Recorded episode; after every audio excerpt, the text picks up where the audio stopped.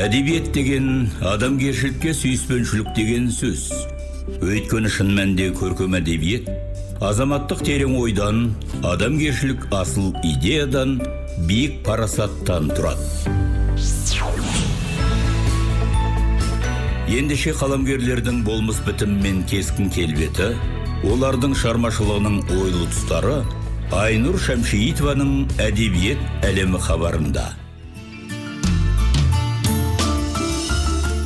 Армысыздар құрметті радио тыңдаушылар. Бүгін жазушы драматург роза мұқанованың туған күні. Сондықтан әдебиет әлемі хабарының бүгінгі санын роза апайымыздың шығармашылығына арнағанды жөн көрдік. Жазушы 1987 жылы әл фараби атындағы қазақ ұлттық университетінің журналистика факультетін тәмамдап сол жылы орталық мұражайдың әдебиет және өнер бөлімінде қызмет жасаған. 2007 жылдан қазақстан республикасы парламент сенатында жауапты қызметкер болған. Роза мұқанованың мәңгілік бала бейне пьесасы қаншама жыл бойы қазақ театрының сахнасында үздіксіз қойылып көрермендердің ыстық ықыласына бөленіп келеді. Құрметті радио тыңдаушылар хабар барысында жазушы драматург роза мұқанованың шығармашылығы мен өмір дерегі жайлы азды көпті мәліметтермен бөлісетін боламыз.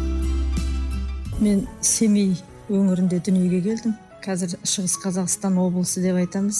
Бірақ менің санам заңды түрде шығыс қазақстан облысына семей кіргенменен семейді көне қала болғандықтан семейденмін деп айтамын семейге қарасты бұрын үржар ауданы деген аудан болды. Сол ауданда мен дүниеге келдім. Көлденең деген ауылында барлық қазақтың қарапайым отбасылары сияқты мен де ауылда дүниеге келдім. Жазушы драматург роза мұқанованың 2008 жылы шатыр астындағы мен атты пьесасы мемлекеттік грант жүлдесін иеленген. Қазақстан жастар одағы сыйлығының жалын журналының төлеген айбергенов атындағы сыйлықтың халықаралық алаш әдеби сыйлығының лауреаты роза мұқанова жайлы хабарымызды тыңдап отырсыздар. Біз отбасында алты бала болдық. Әжем қиссаларды жырларды эпостық жырларды ескі риаяттарды соны оқығанды естігенді жақсы көретін. Осы қиссаларды батырлар жырын оқып беріп отыратынмын. Жалпы үлкен кісілерге әжем роза оқиды бүгін қолы бос екен. Әй келіңдер деп достарын шақырады. Төрт бес адам отырады мен мәнерлеп оқимын. Олар менің оқығанымды жақсы көреді. Сөйтіп жүргенде әкем алматыдан алғаш грамм пластинкалардың шығып жатқан кезі болатын. Содан батырлар жырын театрдағы қойылымдарды пьесаларды оқыған дауыстарыменен сондай бір бес алты грамм пластинка алып келді. Соның ішінде еңлік кебек пьесасын алып келді. Соны жаңағы актерлар оқиды кемпір шалдар жаңағы жылайды аянышты қасіретті жеріне келгенде. Грамм пластинкадан жаттаймын. Оны кейіннен әуезовтің жаңағы он томдығының ішінде үйде әкемнің кітапханасы бар еді содан еңлік кебек тауып алып еңліктің монологтарын тұтас жаттап содан кейін өзім еңлік болып ойнайтын болдым үйде. Әдемі көйлектерді киіп алып өзім есен болып ойнайтын болдым жапал болып ойнайтын болдым. Сондай әдебиетке кейіпкерге персонаждарға қызығушылық болды драматургтың жасаған бейнелеріне қызығып сол монологтарды оқып солар болып өмір сүріп солар болып армандап солар болып тағдыр кешіп сондай бір қияли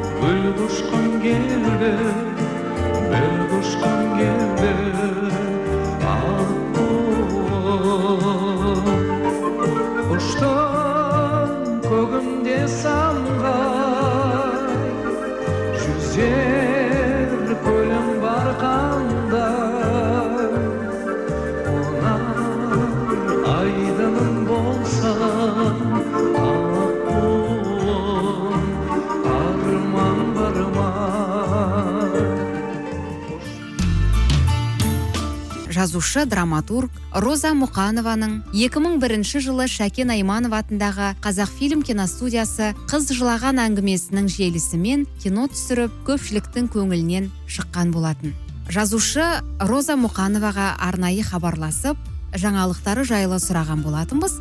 Ендеше құлақ түріңіздер. Қазір өзі тіршілігіміз қоғамдық қарым қатынас байланыс осының барлығы бір өзгеріске ұшырап жатыр ғой біздерде. Бір жағынан қиындық туғызғанмен мынау жазатын адамдарға шығармашылық адамдарына үйде жұмыс істеуге мүмкіндік жасаған сияқты. Сол мен де осыны пайдаланып бір театрдан ұсыныс болған еді. Сол ұсынысты қабыл алып бопай ханымның трагедиясы пьеса жаздым. Төрт бес ай жұмыс істеуге тура келді. Бопай ханым әбілхайыр ханның жары ханымы осы кісінің сол хандық кезеңіндегі ұстанымы жалпы енді сол тарихқа беттеп шығармаға арқау ететіндей дүние жасаған сияқтымын. Ә, негізінен көп жалпы бұл кісінің жеке басына қатысты тарихи деректер жоқтың қасы дегенмен сол бір жұмыс істеген жағдайым бар. Соны бітіріп театрға ұсындым. Енді бұған ұсыныс жасаған қалибек қуанышбаев театрының басшысы асхат байеміров және де өзім талантын өте қадірлейтін жақсы көретін талантты актриса ләйла ханенко. Сол кісінің ұсынысыменен сол кісі бопайды сондай бір енді олжамыз бар. Жалпы мынау актрисалардың ұсыныстарын көкейінде жүрген арманын мүмкіндігін талантты әртістеріміздің мүмкіндіктерін пайдаланып отыруымыз керек. Театр көрермендер үшін де жалпы өнер үшін дегендей. Мен анау бір үлкен өзімнің өкінішім бар. Ол фарида шарипова қазақтың фарида шариповасы кезінде ұсыныс жасап еді. Менің императрица у деген патша қатын у деген қытайдың патша әйелі хақында жазылған кезінде бір әңгімем бар еді. Соны фарида апай сондай ойнағысы келді. Сол образды мен шығара алатын едім. Сен соны жазсаң деп ол кезде менде бір жағынан жастық бір жағынан ойладым үлгеремін ғой деп фарида апайға уәде бердім. Бірақ кейіннен балалар болды кішкентайлы болдым тұрмыс билеп кеткен уақыт болды. Сөйтіп мен әлгі тәлкі болып жүрген кезімде фарида шарипова дүниеден өтті. Соны мен өзіме осы күнге дейін соны кешіре алмаймын. Сондықтан маған ұсыныс түскен кезде бірден менің есіме фарида апайдың сол маған жасаған ұсынысы келеді. Сондықтан мен ұзаққа создырмай осындай дүниелер жасауға негізінен уақыт тауып соның шешімін тауып соны орындауға тырысамын. Өздеріңіз білесіздер сара драмасы да сондай ұсыныспенен жазылып театрдың бүгінгі көрермендері өздерінің бағасын беріп жақсы бір шығарма болып жүріп жатыр.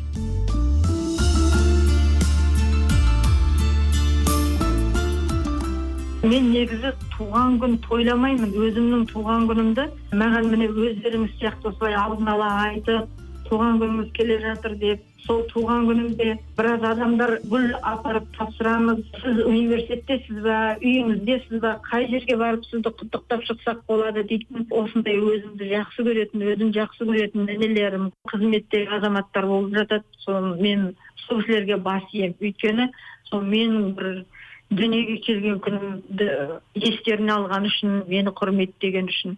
Жалпы табиғатымда менің туған күнім деп дастархан жасап жұртты жинап сөйткен емеспін. Өзі сондай нәрселерден көп қашқалақтаймын негізі. Мен туған күнімде ең бірінші қазір о дүниелік болып кетті. Анама құран бағыштаймын.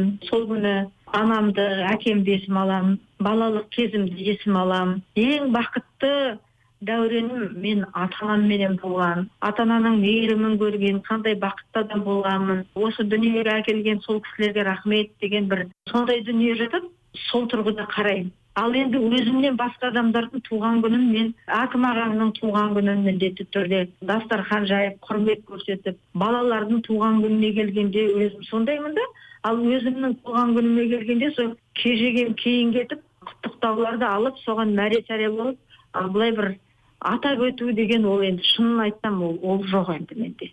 Ең бірінші әдебиетке ынтамды туғызған әдебиет деген тазалық екенін әдебиеттің өнер екенін үйреткен менің әкем. Жазушы әдебиетші қажы ғалым қажыбайұлы мұқанов. Менің ұстазым мен алғаш әңгімелер жазған кезде қырағылық танытқан үйреткен мені сол әкем. Әкем бар кезде бір дүниені жазып бітірсем осы әкем осыған қалай қарайды екен? Бұл шығарманың мына тұсын мына штрихты мына детальды әкем қабылдамауы мүмкін. Бұған ренжуі мүмкін. Менің қызым қалай болып бара жатыр? Бұны неге айтып отыр деп ойлап қалады ау деп мен менің бір сыртымнан бағып тұратын үлкен күш болатын. Осы әкемнің көзқарасы қалай болады екен осы тұсы ұнамай қала ма екен деген нәрселер менде алғаш әдебиетке келген кезде көп сондай уайымдап көңілінен шыға ма деп сөйтетін едім. Кейіннен әкеме шығармаларым ұнады бірақ ұнамайтын тұстары да болды. Маған әкем айтатын сенің шығармаларың неге ауыр? Сен мынау шығармаларыңды бір адам күлетін адамның бір көңіл күйі көтерілетін сондай дүние неге жазбайсың? Ширыққан ауыр бір мұңға оранған бірдеңелерге неге құмарсың сен балам деп айтатын. Сосын мен осы әкемді қуанту үшін бір құбыжық деген әңгіме жаздым. Сол әңгімем қазақ әдебиетіне шыққаннан кейін әкем маған тіл шалды.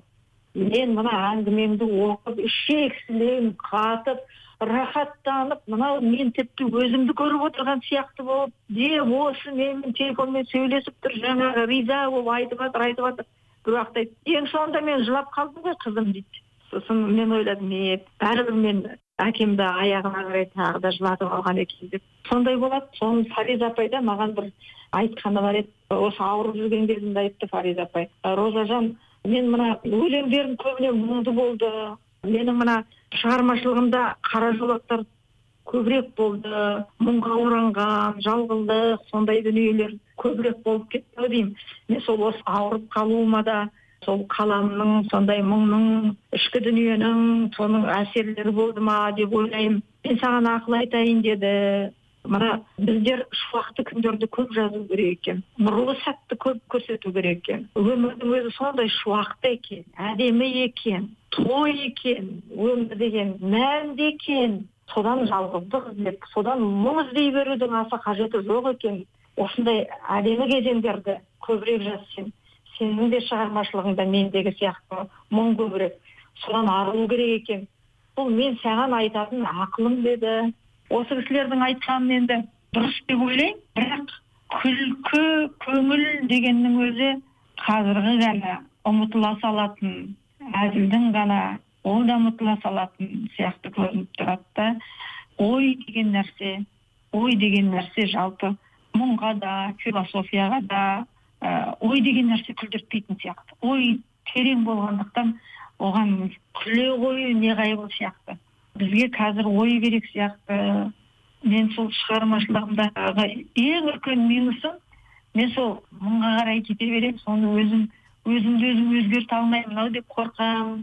Айнұржан роза апай біздің радиодағы журналистер сіздің алғашқы қалам тартып жазған үкі деген әңгімеңіздің қалай жазылғаны сіздің алғаш жаңағы қобызға құмар болғаныңыз көп баланың басынан балалық кезде өтетін мына анамыздың киімдерін киіп айнаға қарап әдемі болып сәнденіп жүретін сондай әдемі балалық кезіңіз өткенін біз жақсы білеміз. Жасыңызға жас қоса беріңіз. Әрдайым сізге жақын жаныңызға жақын адамдар қасыңыздан табылсын. Амин жаным рахмет ана мейірімі таусылмайтын дана әлдене маужырайды дала